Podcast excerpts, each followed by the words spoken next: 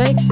Šis ir podkāsts Karjeras arhitekts. Tavs ceļš ar praktiskām idejām un metodēm darba dzīves situācijām, kad piezogas jautājums, un ko tālāk.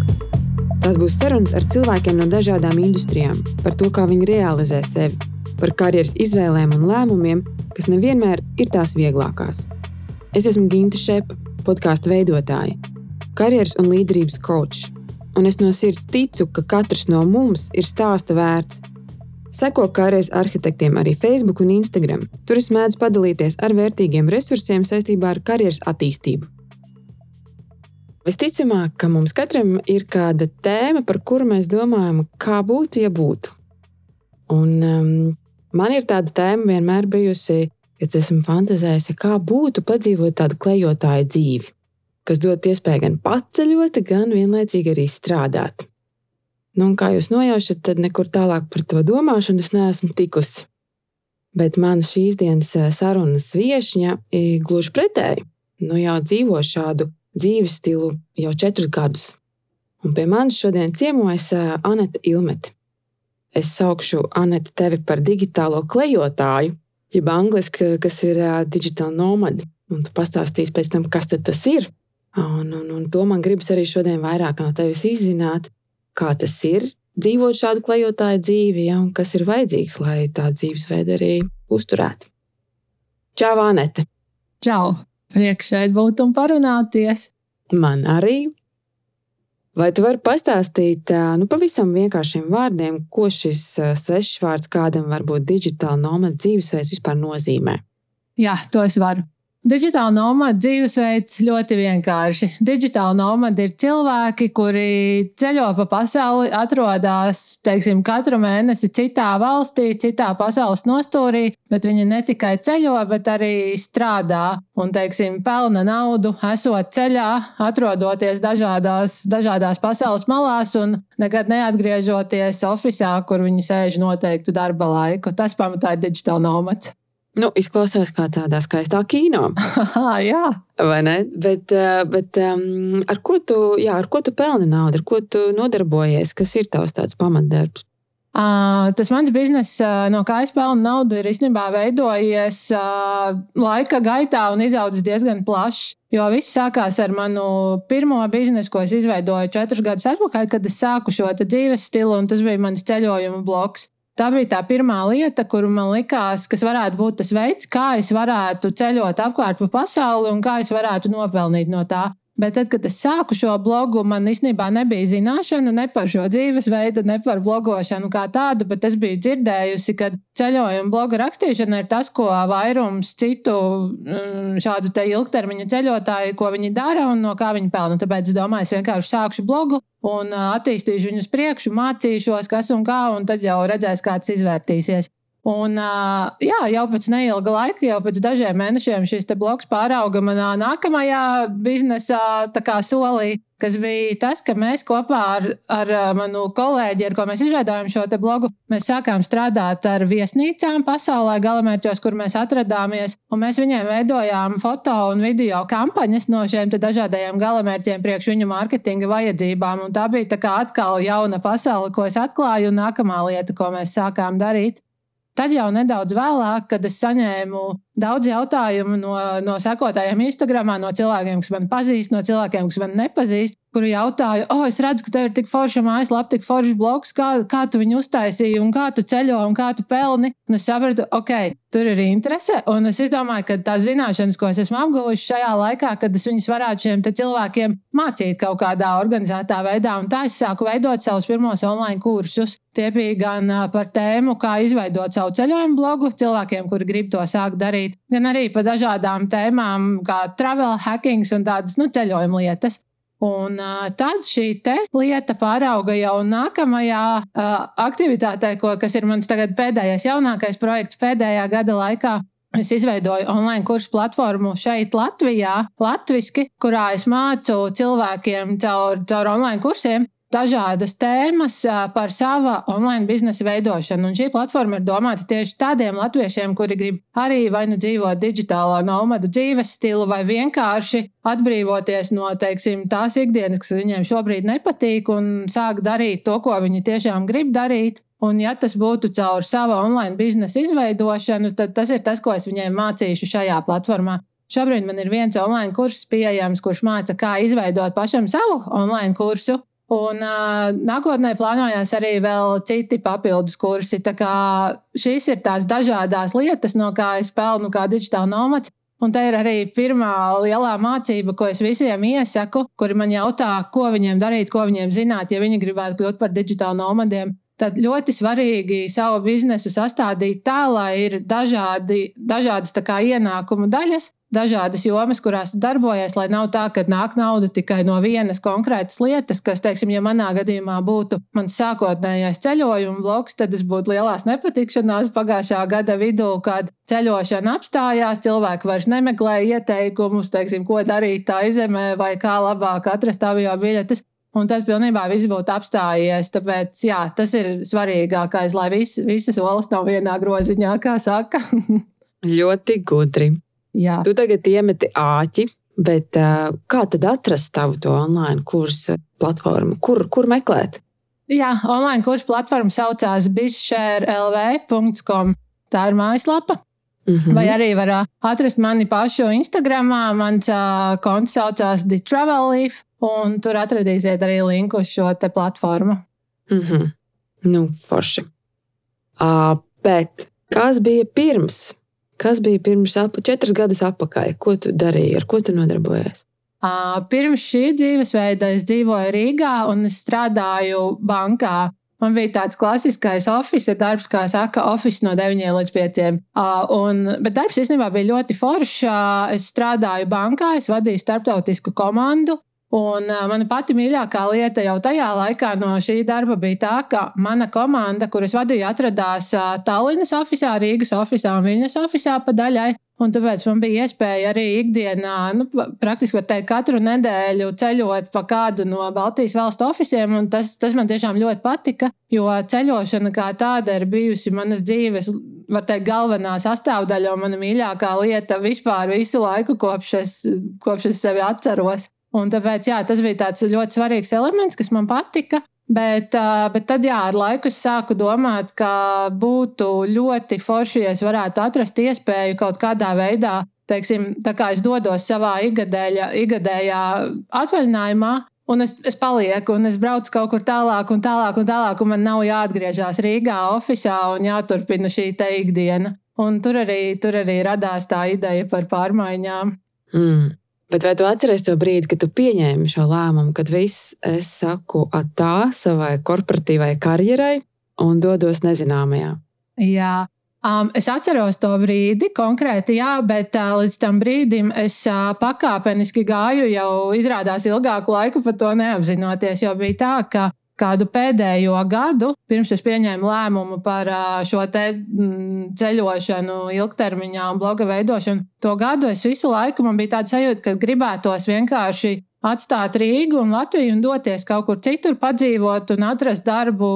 Kādā citā vietā es domāju, tā varētu būt Dubāja, tas varētu būt Ņujorkā, kaut, kaut kas foršs. Uh, un to gadu es nodzīvoju ar tādu domu, kas tas varētu būt, kas varētu būt tā ideja, jā, kurš varētu doties padzīvot. Un tad vienā brīdī es atceros ļoti specifiski, es runāju ar savu labāko draugu, kurš, starp citu, uzsāka jā, šo blogu un ceļošanas dzīvesveidu reizē ar mani, un tā mēs vēl līdz šai dienai turpinām to darīt. Partners in crime, ja? Tieši tā, precīzi. Un bija, bija tāda saruna, es atceros, ka mēs sēdējām Rīgā kebabnīcā vienā, un mēs runājām, cik forši būtu tā, ka tiešām varētu ceļot ilgtermiņā. Es atceros, ka viņai stāstīju, kā es iztēlojos, un tad es, es atceros pats sevi tā nodomāju, bet, bet ir jādara, ir jāmēģina. Un tad mēs sākām brainstormot idejas, kas būtu tas, kā mēs varētu atļauties. Jo vienmēr ir tas challenge, kad liekas, jā, ir jādara, ir jādodas ceļā, bet kā nopelnīt no tā? Un man ar to pieredzes nebija. Vispār es nebiju nekad par to interesējusies. Un tad mēs sākām runāt, ka jā, tas varētu būt ceļojuma bloks. Un tā īstenībā arī bija tā reize, kad uh, es vismaz personīgi biju gatava, viss tas ir jādara.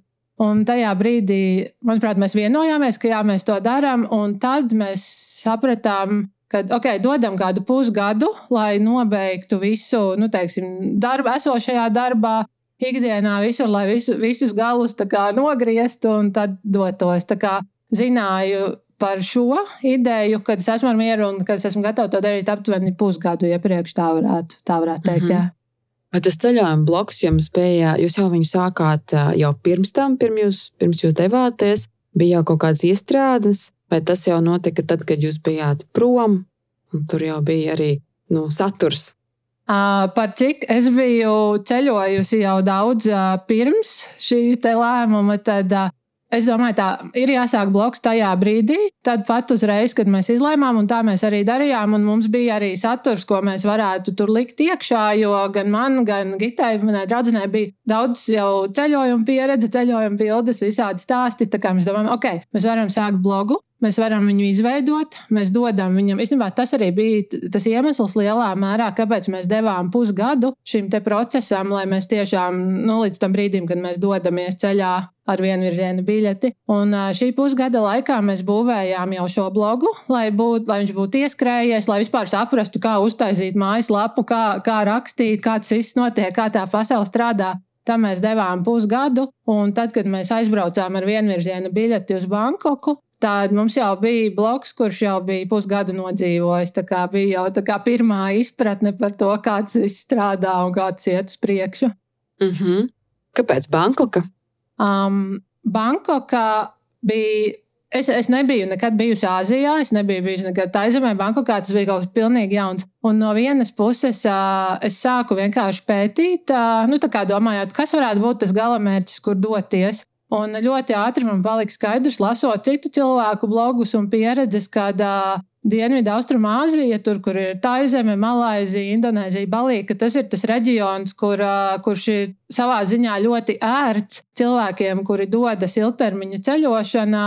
Tādā ziņā, ka uh, tur ir ļoti daudz tādu pašu cilvēku, ko, piemēram, tu aizbrauks uz Bankoku, tu pilnīgi noteikti satiksi vēl kādu, kurš ir tādā pašā ceļā, kurš ir atbraucis ar vienvirziena biļeti un domā, kā tagad, kā veidot savu dzīvi tālāk kā digitāla nomada. Tā kā savā ziņā var teikt, ka tajā reģionā ir digitāla nomadu communities. Tur, ir, tur nav dārgi salīdzinot teiksim, ar Eiropu vai Ziemeļameriku, Dienvidameriku. Tur ir tādā ziņā arī ekonomiski pateicīgs galamērķis. Un, uh, tas vienkārši arī likās kaut kas pilnīgi jauns, jo tas ir tāds vienīgā pasaules daļa, kur es nebiju bijusi. Un tas man tieši uzrunāja. Man gribējās nevis kaut ko pazīstamu un kaut ko tādu, kur es zinu, ko sagaidīt. Man gribējās, nu, teiksim, kultūra šoku, wow. Un tad kaut kā Bankoka bez, bez specifiska iemesla iekrita prātā, ka likās, ok, tas varētu būt foršs forš sākums. Un es vienkārši domāju, darām, lai iet, redzēs. Nu, cik ilga bija jūsu pirmā pietura? Um, jā, pirmā, pirmā pietura bija pati taizeme. Es viņu savu visu taizemi saukšu kā pirmā pietura. Tas bija viens mēnesis. Un tā bija tā īstenībā vienīgā lieta, kas bija zināma, ka tas būs viens mēnesis taizemē tajā brīdī, kad mēs devāmies ar to vienvirziena biļeti. Tāpēc, ka, lai iebrauktu taizemē, tev ir jāuzrāda izbraukšanas biļete. Un es biju nopirkusi izbraukšanas biļeti mēnesi vēlāk no Krabī, kas ir taizemes lejas daļā. Un vienkārši es atradu arī tāpat, kā es plānoju banku, kas brauciet tā, es plānoju izbraukšanu. Es atradu nu, teiksim, lētā, vienu no lētākajām biļetēm pēc aptuveni mēneša no, uz kādu no kaimiņu valstīm, un tas bija no Krabijas uz Kuala Lumpuru, Malaizijā. Tā kā pirmais mēnesis pagāja Taizemē, tad mēs tādā pašā mhm. veidā devāmies tālāk uz Malaiziju. Un tā jau arī īstenībā tas gāja uz priekšu pa mēnesim. Katrā valstī viena pēc otras - Taizeme, Malaizija, Indonēzija, Vietnama. Koreja. Oh, mm. Tie bija labi laiki. oh, jūs tur visu to Āzijas galu esat izbraukājuši. Jā, Āzija īstenībā ļoti interesanti. Tas bija pilnīgi negaidīti, bet Āzija. Kā es tur aizbraucu, es, uz, es uzreiz jutos, it kā es, būtu, it kā es esmu mājās. Viss ir pilnīgi svešs, neko nezinu, neko nesaprotu, kas notiek. Bet bija tāds sajūta, ka esmu atgriezies mājās, jo lika, atgriezties mājās likās, tas ir vienkārši tik patīkami un tik labi. Tāpēc, jā, Āzijas gals tieši tā lejas daļa ir izceļot nu, diezgan cienījami, es teiktu, jo tas ir, tas ir tas reģions, kur, lai kur mēs aizdotos pasaulē, atpakaļ uz Eiropu, atpakaļ vai uz Amerikas galu, vienmēr atgriežamies Āzijā. Mm. Kaut kā ļoti velk uz turieni. es tieši nākamais jautājums, jā, gribēju vaicāt, kur vēl ir būtis, kur, kurus reģionus jūs vēl esat piedzīvojuši? Uh, jā, nu tā tad Āzija, tā leja. Uh, sākumā tas lejas gals, tad mēs devāmies tālāk. Bija Koreja, Hongkonga, Makao. Man likās arī tas gals ļoti neparasts, gribējās apskatīt Filipīnas. Un tad ir, tad ir paceļots arī pa Eiropu pa dažādiem laika periodiem. Franču rivjēra, Monako, tas gals. Uh, un tad, uh, jā, jo Eiropas izmā bija izceļojusi jau lielā mērā pirms es vispār sāku šo ilgtermiņu ceļošanu. Tāpēc tas man, man pašai personīgi nav tik aktuāli. Man vairāk patīk tās svešās vietas, kuras tiešām, nu, tā kā, kur ir pilnīgs kultūra šoks. Un tad Meksikā ir padzīvots, Kalifornijā, Amerikas tas krasts ļoti patīk, un tad atpakaļ Āzijā. Mm -hmm. tā visu laiku tā kā aplis pa pasauli. Vai ir eh, kaut kādas atšķirības, ko tu esi novērojusi? Nu, kā dzīvo digitāli nomadi, kur Āzijā Amerikā, kur tu vēl Eiropā, vai tur ir kaut kādas atšķirības? Atšķirības, nu, īstenībā pēc tā cilvēku tā kā dzīvo, un, ja, ja runa iet tieši par pašiem digitāliem nomadiem, tad es teiktu, ka lielas atšķirības nav. Tāpēc, ka ļoti bieži ir tā, ka, ja tu satiec, teiksim, kādu citu digitālu nomadu, kurš ir Āzijā, viņš parasti ir bijis arī Eiropā, viņš ir bijis arī Amerikā. Tāpēc īstenībā visi diezgan uz tāda viena viļņa turās. Un tie, kas jau ir ar pieredzīti, jau varbūt gada, divu pieredzīti, tad tas ir diezgan jau līdzīgs dzīvesveids. Mm -hmm, bet nu, tādā infrastruktūras ziņā, es domāju, nu, okay. internets un, un, un. Jā.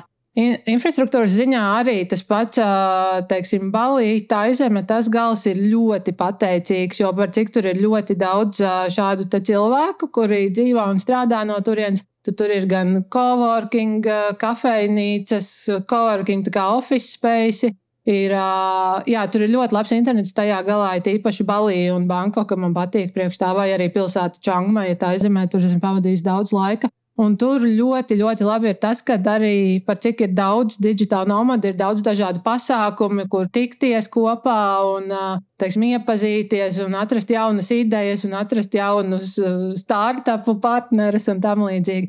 Jo īstenībā šī ir arī ļoti svarīga lieta digitāla nomadu dzīves stilā, ko cilvēki, no, kas to nedara, varbūt neiedomātos. Mums ļoti svarīgs ir nu, teiksim, komunitīs un cilvēki apkārt. Jo tad, kad tu dzīvo savā nu, teiksim, ikdienā, piemēram, Latvijā, Rīgā, visiem ir apkārt ģimene, ir draugi, ir tas cilvēku lokus, ar ko tu komunicē un kontaktējies ikdienā, un viss ir forši. Bet tad, kad tu ceļo un, teiksim, katru mēnesi esi jaunā galamērķī, jaunā valstī, tad tu iebraucot jaunā valstī, tu nevienu nepazīsti, tev nav, tev nav to draugu un ģimenes tā atbalsta apkārt tieši blakām. Tā kā ir ikdienā dzīvojot visu laiku vienā vietā. Tāpēc, jā, digitāli nomadi turās īstenībā kopā un ir ļoti draudzīgi un atbalstoši. Uh, tāpēc ir forši būt tajos galamērķos, kur ir šie community, kur ir šādi pasākumi. Jo tu tad īstenībā katrā šajā jaunajā vietā no jauna izveido savu ģimeni un tuvāko draugu loku, var pat tā teikt. Kas ir populārākās nu, nodarbošanās, ne profesijas, to nevar teikt, bet nu, tādi jā, darbības virzieni, ar ko nodarbojās cilvēki, kas stilu dzīvo? Īstenībā ir ļoti, ļoti plašs lokus ar to, ko es esmu redzējis, kādi katram ir darbības veidi. Sākot no tā, teiksim, ir pirmkārt savi biznesi, cilvēki, kas veido savus, teiksim, online apmācības, kaut kādus pakalpojumus, mārketinga pakalpojumus, cilvēki, kas ir, teiksim, programmētāji, tāda veida. Bet ir arī otra puse, ir arī daudz digitālu nomadu, kuri strādā, teiksim, kā darbinieki kādā uzņēmumā, Es esmu pat satikusi tādus latviešus, kuri strādā uzņēmumā Latvijā.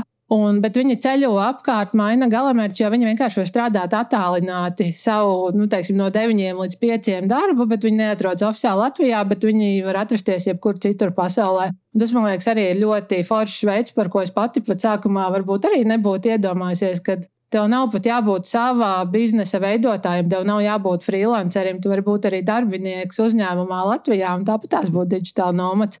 Un līdz ar to tas nozīmē, ka tas darbību spektrs ir 100% plašs. Tas var būt jebkas, tas var būt jebkurš uzņēmums. Jo īpaši tagad, Covid laikos, mēs redzam, ka Uh, visi, visi aizgāja strādāt no mājām, visi strādāja attālināti, un lielākajai uzņēmumu daļai tas strādā. Tas ir jau, jaunā lieta, kā, kā vispār tā darba ikdiena tiek organizēta. Tāpēc Tagad jau pilnībā, manuprāt, ir pierādījies, ka savā ziņā digitāla nomads var būt jeb, jebkurš, kurš vien grib tādu dzīvesveidu dzīvot.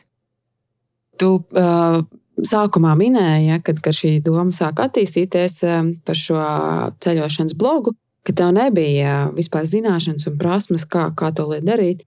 Nu, kur, tu, kur tu smēlies, ko tu darīji, kā tu apguvi to visu, ko tu šodien dari? Tieši tā man nebija pilnīgi nekāda zināšana, nekādas pieredzes ne bloga veidošanā, ne blogošanas biznesā, ne vispār sava biznesa veidošanā, jo līdz šim es biju bijusi tikai kā darbinieks. Un, Bet es atklāju ļoti interesantu lietu, ka patiesībā tiklīdz tev ir nosprausts mērķis un tu zini, ko tu gribi iemācīties vai ko tu gribi sasniegt, tad manuprāt, mūsdienās visās jomās ir tik daudz pieejama informācija online, gan, gan pa brīvu, gan pa maksu, skatoties YouTube, kur tu vari jebkuru lietu apgūt. Un ir izveidotas arī sistēmas, dažādi servisi, ko tu vari atrast internetā, kuri tev palīdz daudzas lietas izdarīt ļoti vienkārši. Kā piemēram, bloga veidošana. Tad, lai izbūvētu blogu, ir jāuztaisa mājaslapa. Par mājaslapu veidošanu es neko nezinu. Es neesmu IT, es neesmu programmētāja. Bet izrādās, ka mājaslapu var uztaisīt ļoti vienkārši, jo ir uh, programmas, kuras to izdara. Nu, Palielam tavā vietā, tu tikai ievadi vajadzīgās lietas, tu ko tu gribi, kas lai tur ir un kā lai tas izskatās. Un līdz ar to, jā, tas arī bija tas, es sāku skatīties internetā, lasīt, skatīties YouTube video, ko citi stāsta, citu pieredzes, un tā palēnām es liku kopā vienkārši to kopējo lielo bildi. Tā kā, jā, ja, ja ir skaidrs, ko tu gribi sasniegt, tad tas mūsu laikos ar visu to informāciju pieejamu online ir savā ziņā viegli izdarāms. Tas nav viegli, tas parasti nav viegli, bet arī tāpat laikā tas ir iespējams. Vektors vajadzīgs.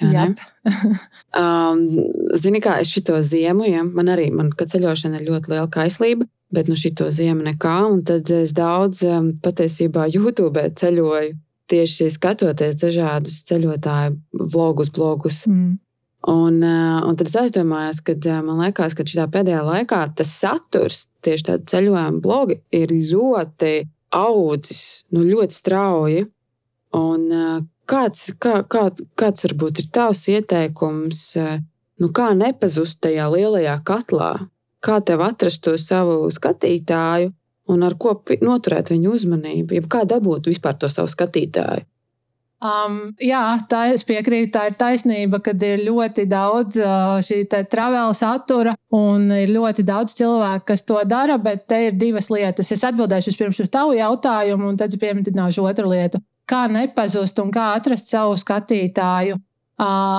Es uzskatu, ka ir tā, ka ja tu dari, ja tu dari to, kas tev tiešām patīk, un tu liec informāciju ārā patiesi, un tu dalies ar to, kā patiesībā ir, kā tu jūties, kas tev patīk, ko tu gribi iedot savai auditorijai, tad tu spēsi uzrunāt to īsto auditoriju, un viņi tev atradīs. Bet tad ir otrs veids, kā cilvēki dara bieži vien, kad tu redzi kaut ko, o, tie cilvēki dara tā, viņi ceļo tā, viņi rāda to, un to es darīšu to pašu. Un tad, kad ir cilvēki, kuri taisa kontentu, darot to pašu, ko citi dara, tikai tāpēc, ka citi dara, tad tie ir tie, kuriem ir grūtāk atrast auditoriju. Tā kā es uzskatu, vienkārši, ja tu tiešām patiesi liec ārā to savu īsto būtību, tad tas aizies un auditorija tevi atradīs. Vienīgais, pie kā ir ļoti jācenšas, lai tas izskatītos vizuāli baudāmi un, nu, teiksim, jāpilnveido sevi gan fotografēšanas, filmēšanas mākslā, storytellingā. Tas ir tas viss, kas jāliek ir sevi. Un sevi jāpilnveido un jādod tā patiesā lieta no sevis ārā, un tad tas viss aizies. Tas ir tas, kā uzrunāt auditoriju. Bet otra lieta, ko es uzskatu, ka šajā visā ceļojuma kontenta jomā tagad sāksies ļoti jauni un interesanti laiki, jo ceļošana bija apstājusies, un es teiktu, 98% ceļojuma kontenta veidotāju neceļoja tagad ilgāku laiku. Un tagad, atsākoties ceļošanai, manuprāt, būs pavisam cita jauna pasaule, jauni noteikumi, jo mēs nezinām īsti, kā būs ceļošana, kā būs ar ierobežojumiem, kurš varēs, kurš nevarēs, cik droši cilvēki jutīsies kaut kur doties. Un līdz ar to es uzskatu, ka šo te kontenta veidotāju skaits noteikti būs ļoti samazinājies. Un, Tāpēc varbūt tagad atkal, ja ir cilvēki, kuri domā, ok, es gribētu lekt iekšā un sākt veidot, teiksim, ceļojumu video, vai ceļojuma bildes Instagram, tad, manuprāt, tagad ir atkal īstais brīdis, kad lekt iekšā. Jo varbūt tagad būs tā, ka tas tirgus tomēr nemaz nebūs tik piesātināts mm. ar jaunu, svaigu saturu. Redz, īstais mirklis. Jo, jā. vien, jā, jo vienmēr jau saka, tie, kas sāk pirmie, tie, kas sāk agrāk, tie, tie ir uzvarētāji. Un šis te burbulis, ceļojuma satura veidotāja burbulis bija milzīgs, uzpūties, bet tagad, manuprāt, atkal ir tas savā ziņā nulles punkts jauns. Mm -hmm. Redz, jauna iespēja. Tieši tā, jo arī tas saturs, teiksim, kas ir ieteikts, piemēram, dodies tajā galamērķī uz to vietu, uz to vietu, uz to kafejnīcu, bet varbūt viss tas jau šobrīd ir ciet un ir jāveido jauns saturs, jo tā vairs nav patiesība, kas bija pirms diviem gadiem patiesība. Tā kā, manuprāt, tagad ir tiešām jauni laiki, sākušies jaunas iespējas. Nu, pagājušais gads, kā tu pati teici, jā, tad klejotājiem, ceļotājiem bija tāds vairāk Tev pašai, tu teici, ka Latvijā vairāk laika pavadīji. Nu, esot uz vietas, starp savējiem, reku draugi, ģimene apkārt, un tev neiezagās tāds sentiments, varbūt tomēr jānobāzējās. Īstenībā pilnīgi pretēji. Oh, ja? Man iezagās sajūta, kura pateica, tagad tu redzi, ka tava īstā vieta ir ceļā, nevis jānobāzējās. Jo, jā, īstenībā šis ilgs laiks tagad pagāja, nu, salīdzinoši ilgs laiks Latvijā. Jo sanāca tā, ka mēs atgriezāmies Latvijā pagājušā gada vasarā ar domu, ka uz kādiem trim mēnešiem nobāzēsimies jūnijas, jūlijas, augusts vasara Latvijā. Tas būs forši. Un es domāju, jā, draugi un ģimene, viss tā, jo ilgi nebija būt šeit. Un tad jādodas pēc tam septembrī prom, pagājušā gada septembrī. Bet sanāca tā, ka Āzijā visi galamērķi, kurus gribēju atgriezties Balī, tā izemē, viss bija pilnībā cieta. Un tā sanāca beigu beigās Latvijā līdz pat šī gada pirmajai pusē. Un, jā, es dzīvoju šeit uz vietas. Tas man savā ziņā atgādināja to laiku, kā bija pirms tam kad es dzīvoju ilgāku laiku Latvijā un bija ziema Latvijā, kad bija pelēks un augsts. Un es visu laiku domāju, ah, es pirms tam biju balī, un man bija plus 30, un palmas un okeāns, un tagad man ir pelēks lietus. Kāpēc? Beidz, šodien bija daudz sniega. Nē, bija, bija labi, es piekrītu, piekrītu. Bet, ja to salīdzina ar uh, sauli un plus 30, Nē, kas ir mana stihija, tad tu saproti. Tāpēc, nē, īstenībā, jā, es tiešām es izjūtu to, kā ir būt šeit, atpakaļ. Un es sapratu, ka, nē, kad mana vieta ir ceļā, jo mana, kā es jūtos, mana komforta zona ir būt ārpus komforta zonas, būt iemestai kaut kam jaunā. Jaunā kultūrā, jaunā vidē, tā, tādā vidē es jūtos vislabāk, bet tad, kad es esmu ilgstoši vienā vietā, kas tagad bija Latvija, es jūtos tā, ka kaut kā pietrūkst. Tāpēc mm -hmm. jā, mhm. tas šis man mhm. pierādīja, ka ir jābūt ceļā.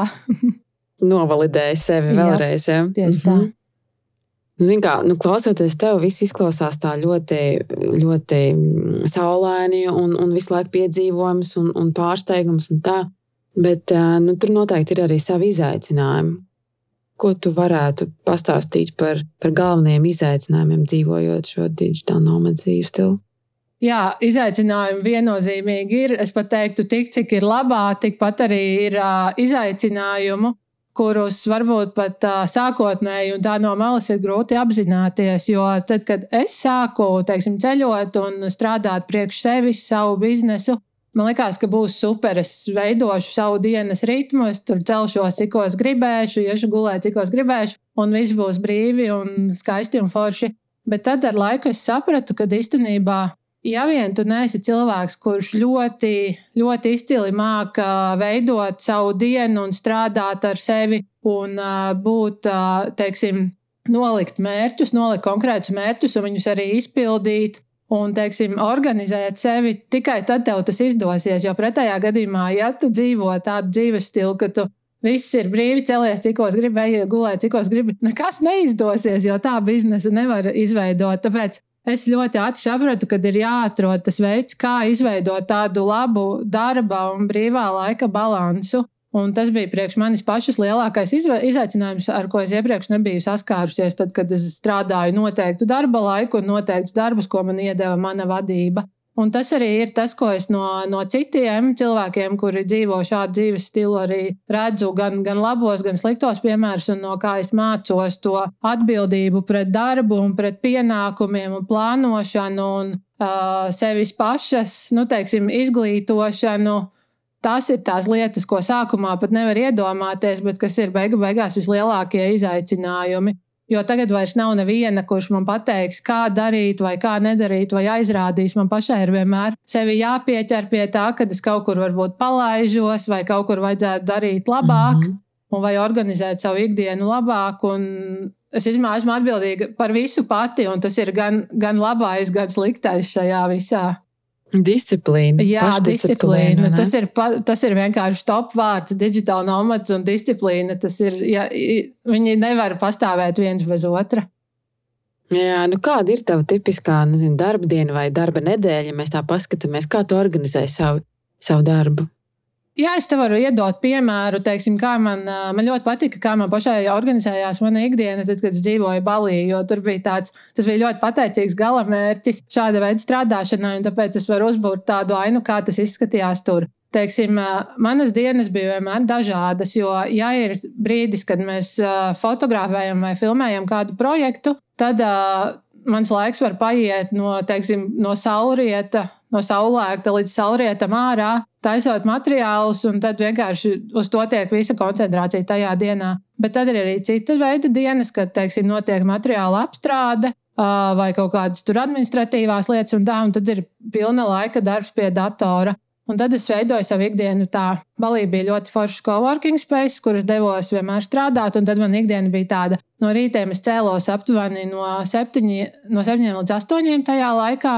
Un pilnīgi vienmēr katru rītu devos uz pludmali, vai nu skrējienā gar pludmali, vai rīta sērfošana. Tas bija vienkārši skaisti. Labs veids, kā iesākt dienu. Mm -hmm. Tad atpakaļ mājās, tad ir brokastis ap deviņiem un došanās uz coworking space tad tur ir darbs aptuveni kādas četras stundas. Tas būtu līdz kādiem vieniem, diviem dienā.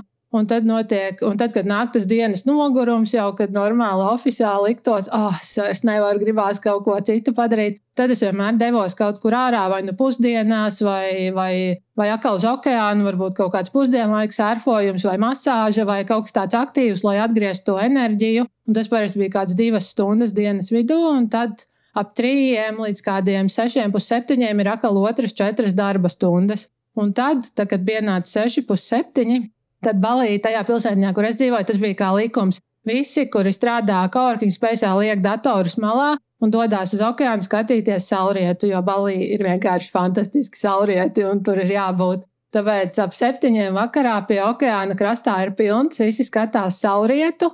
Un tad, kur nu kurais, tad ir vai nu dodos vakariņās ar draugiem, vai, vai uz sporta zāli pakustēties, un tad vai nu ir brīvs vakars, vai varbūt apakaļ vēl uz coworking spējas pastrādāt, ja nav kaut kas izdarīts. Un šādi es veidoju to dienu. Tā bija kā strikta rutīna, bet arī tāda patīkama, jo man bija svarīgi, lai tās manas darba dienas pie datora veidojas tā, lai es jūtos pati labi, gan fiziski, gan garīgi, gan visādā ziņā labi. Tāpēc es saliku šādu ritmu sev, lai, teiksim, tad, kad man nāk nogurumi, lai es varu iet ārā un izkustēties un atgriezt to enerģiju. Un te atkal es izjūtu to ļoti lielo starpību, kā ir tad, kad tu strādā, teiksim, noteiktu darba laiku, un tu nevari vienkārši iziet no vieniem līdz trījiem ārā, aiziet sērfot. Jo tu tā gribi, jo tev darba laikā varbūt ir tikai 45 minūtes pārtraukums, nu, teiksim, oficiālā.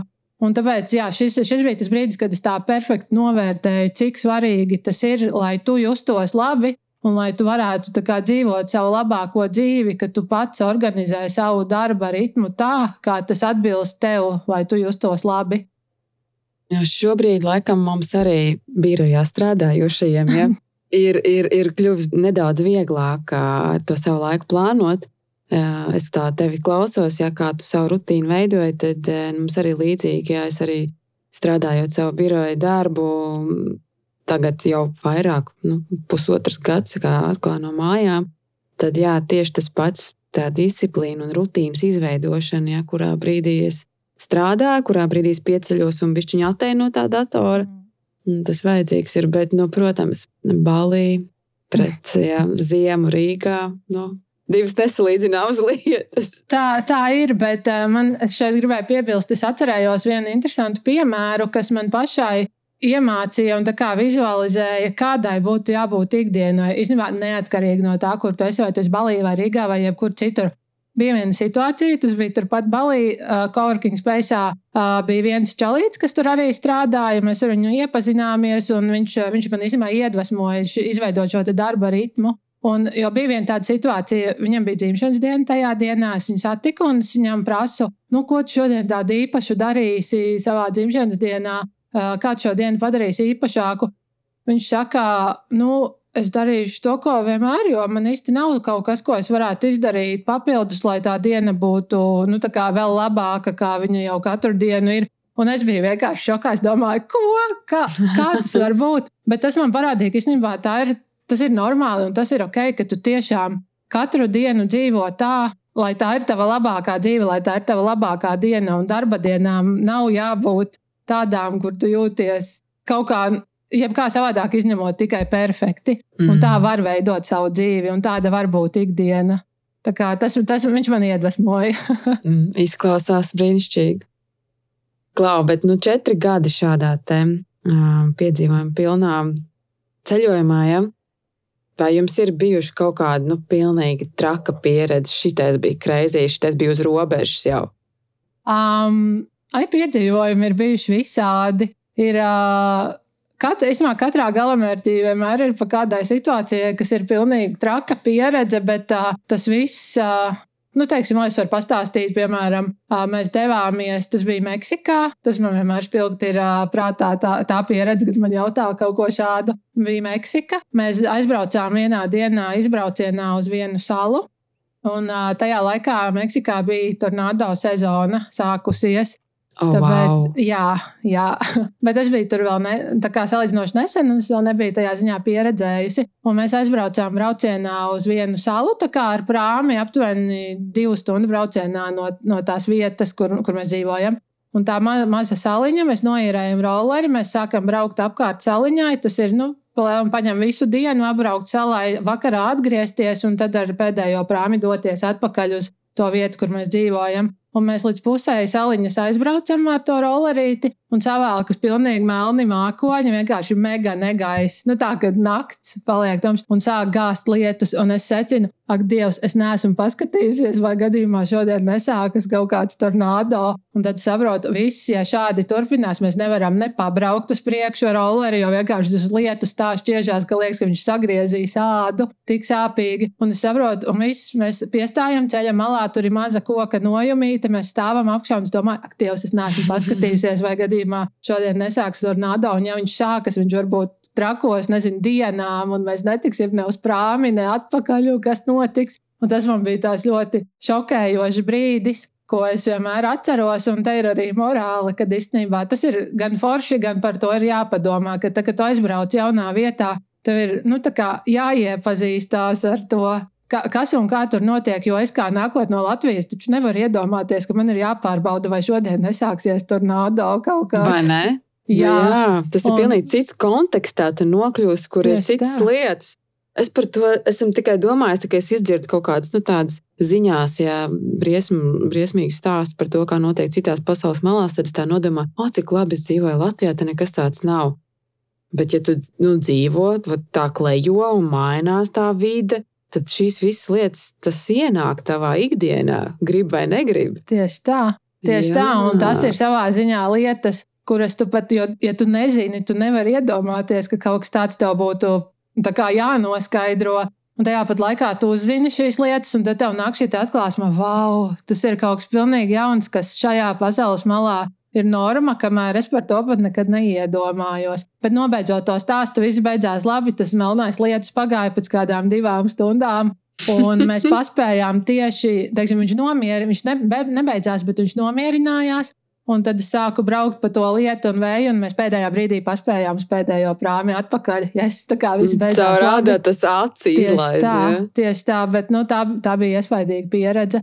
Bet šis ir arī tas, ko es iepriekš minēju. Šādas pieredzes un šādas lietas ārpus komforta zonas man rada pozitīvu sajūtu, un tā ir mana komforta zona, un tas ir tas, kas man patīk, un tas, kas man ir vajadzīgs.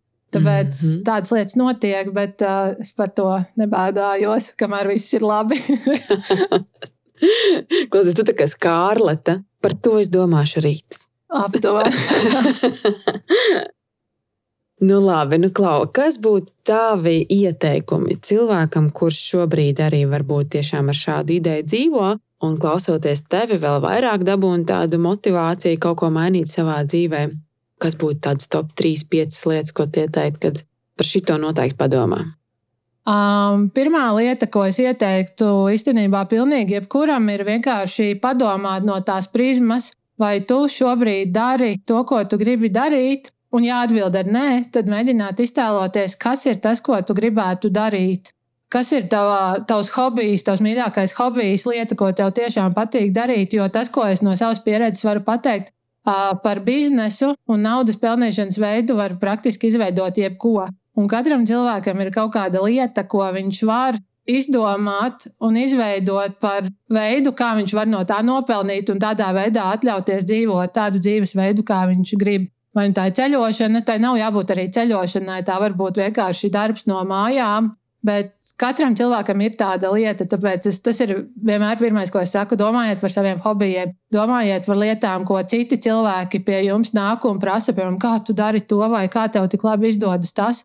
Un te var arī ļoti labi noderēt mana online kursu platforma, kuras mācīja taisīt online kursus par lietām, teiksim, par jebkuru tavu lietu. Tu vari uztaisīt online kursu un dalīties ar šo informāciju ar citiem, un tādā veidā tu izdari labumu citiem un arī nopelni priekš sevis. Tā, tā ir tā pirmā lielā morāle. Un tas ir arī īstenībā, jā, tas ir pats galvenais. Saprast, kā tu gribi mainīt savu dzīvi, un tas veids, kā to izdarīt, tas vienmēr atradīsies. Jo mūsdienās, iz, nu, teiksim, nopelnīt, inter, izmantojot internetu, izmantojot online vidi, ir vieglāk kā jebkad. Oh, jā. Jā. Oh, jā. jā. Mm -hmm, tas mm -hmm. ir tāds liela atbilde ar daudziem aspektiem. no sākuma, jā, nu viss sākās ar to, ka tu saproti, jā, vai tas, jā. ko tu dari šobrīd, ir tā dzīve, ko tu gribi dzīvot. Tieši tā, jo mm. viss ir iespējams. Es pirms es sāku dzīvot šo digitālo nomadu dzīves stilu, man bija, man teiksim, bija tādi sapņi un idejas, par kurām es domāju, ka jā, tas būtu skaisti, bet tajā pašā laikā es domāju, prātā, bet tas nav iespējams. Tas vienkārši nav iespējams, jo tas pārāk labi, lai tā būtu patiesība. Bet tagad, darot un piepildot kaut vai pa mazām solītim, es nesaku, ka es esmu piepildījis to, par ko es sapņoju sen atpakaļ, kas man likās kaut kas nereāls. Uh, bet piepildot pa solītim, pa solītim un atverot ar vien jaunas durvis, es saprotu, galvenais ir tikai darīt, jo kamēr tu nedari un nespēr to soli uz priekšu, tu pat nevari iedomāties, kas pasaulē ir vēl plašāka nekā tu viņu redzi šobrīd, un kādas tikai vēl nav iespējas. Tāpēc ir pats svarīgākais nebūt tam, kurš saka, es arī gribētu tā darīt, bet vienkārši spērt soļus un darīt. Mm -hmm, mm -hmm. Redz, cik labi klausies, nu, gluži kā nobeiguma vārdi. Bet man tomēr gribas tev nobeigumā pavaicāt. Pafantazējam, Davai. kur būs Anete pēc pieciem gadiem? Uh. Iedomājieties, ir 14. Eh, jūnijas, pēc pieciem gadiem, kas tas būs 2026. gads. Jā? Labi. Nu, nu, kur tu būsi, kāda būs tava dzīve? Oh, šo ir tik grūti atbildēt, tik grūti atbildēt. Jo... Tāpēc es teicu, fantāzija. Labi. Uh, kur es būšu? Es, uh, hmm, es ceru, ka es būšu kaut kādā uzkāpusi tikko, piemēram, Kilimanģāro, kādā kalna galotnē. Uh, un pēc tam būšu gatavošos doties uz savu māju, balī, atpakaļ. Labi. Jā. Un, un tad es gatavošos jaunajam filmēšanas projektam, kur man būs jādodas uz Parīzi, un pēc tam uz Meksiku, un pēc tam uz Brazīliju. Redzi, tas ir tas pats, turpināt ceļot pa dažādām iespaidīgām mm -hmm. vietām. Zinu, tas ir tikai tas, tas, ir tas, kas man tiešām patīk, un tas ir tas, kā es redzu arī visu uz priekšu. Klausies, es šito gabaliņu pēc pieciem gadiem izgriezīšu ārā un es tev aizsūtīšu. Labi, tad tu varēsi iečakot, kur tu esi šobrīd. Sarunāts. Ai, nu forši. Man milzīgs prieks par, par, par to, ka tu padalījies savā stāstā. Man liekas, ka tu tiešām uh, dzirdot tavu pieredzi, un nu, ļauj noticēt tam, ka tas, par ko mēs nereti sapņojam, tas sāk piepildīties, tad, kad mēs sākam spērt pirmo soli. Un tas pirmais solis, laikam, ir visgrūtākais, un tad jau aiziet. Tad sāk tās durvis vērtēs, vai ne? Precīzi, precīzi. Tā arī ir. Vienmēr svarīgākais ir, ja ir sajūta, ka gribās, tad vajag sākt. Mm -hmm. Pirmo soli tas ir pats svarīgākais. Super. Nu, ko, Anita, es tev novēlu, lai drīz mums ceļošanas ierobežojumi vispār nav vairs mūsu ikdienai, bet mums jā. visas durvis ir vaļā. Un uh, es esmu pārliecināta, ka tev priekšā ir daudz gala mērķu, vēl, kur tu gribi nokļūt, un, un interesants pieredzes. Un klausītāji, tev savukārt, nu tad ko? Tad novēlam, lai katram ir kāds pirmais solis, ko spērt. Vai ne? Tieši tā. Paldies, Anita, paldies par sarunu. Paldies, tev arī. Un tad, jā, tiekamies kādā nākamajā stāstā. Atā. Tiekamies! Čau!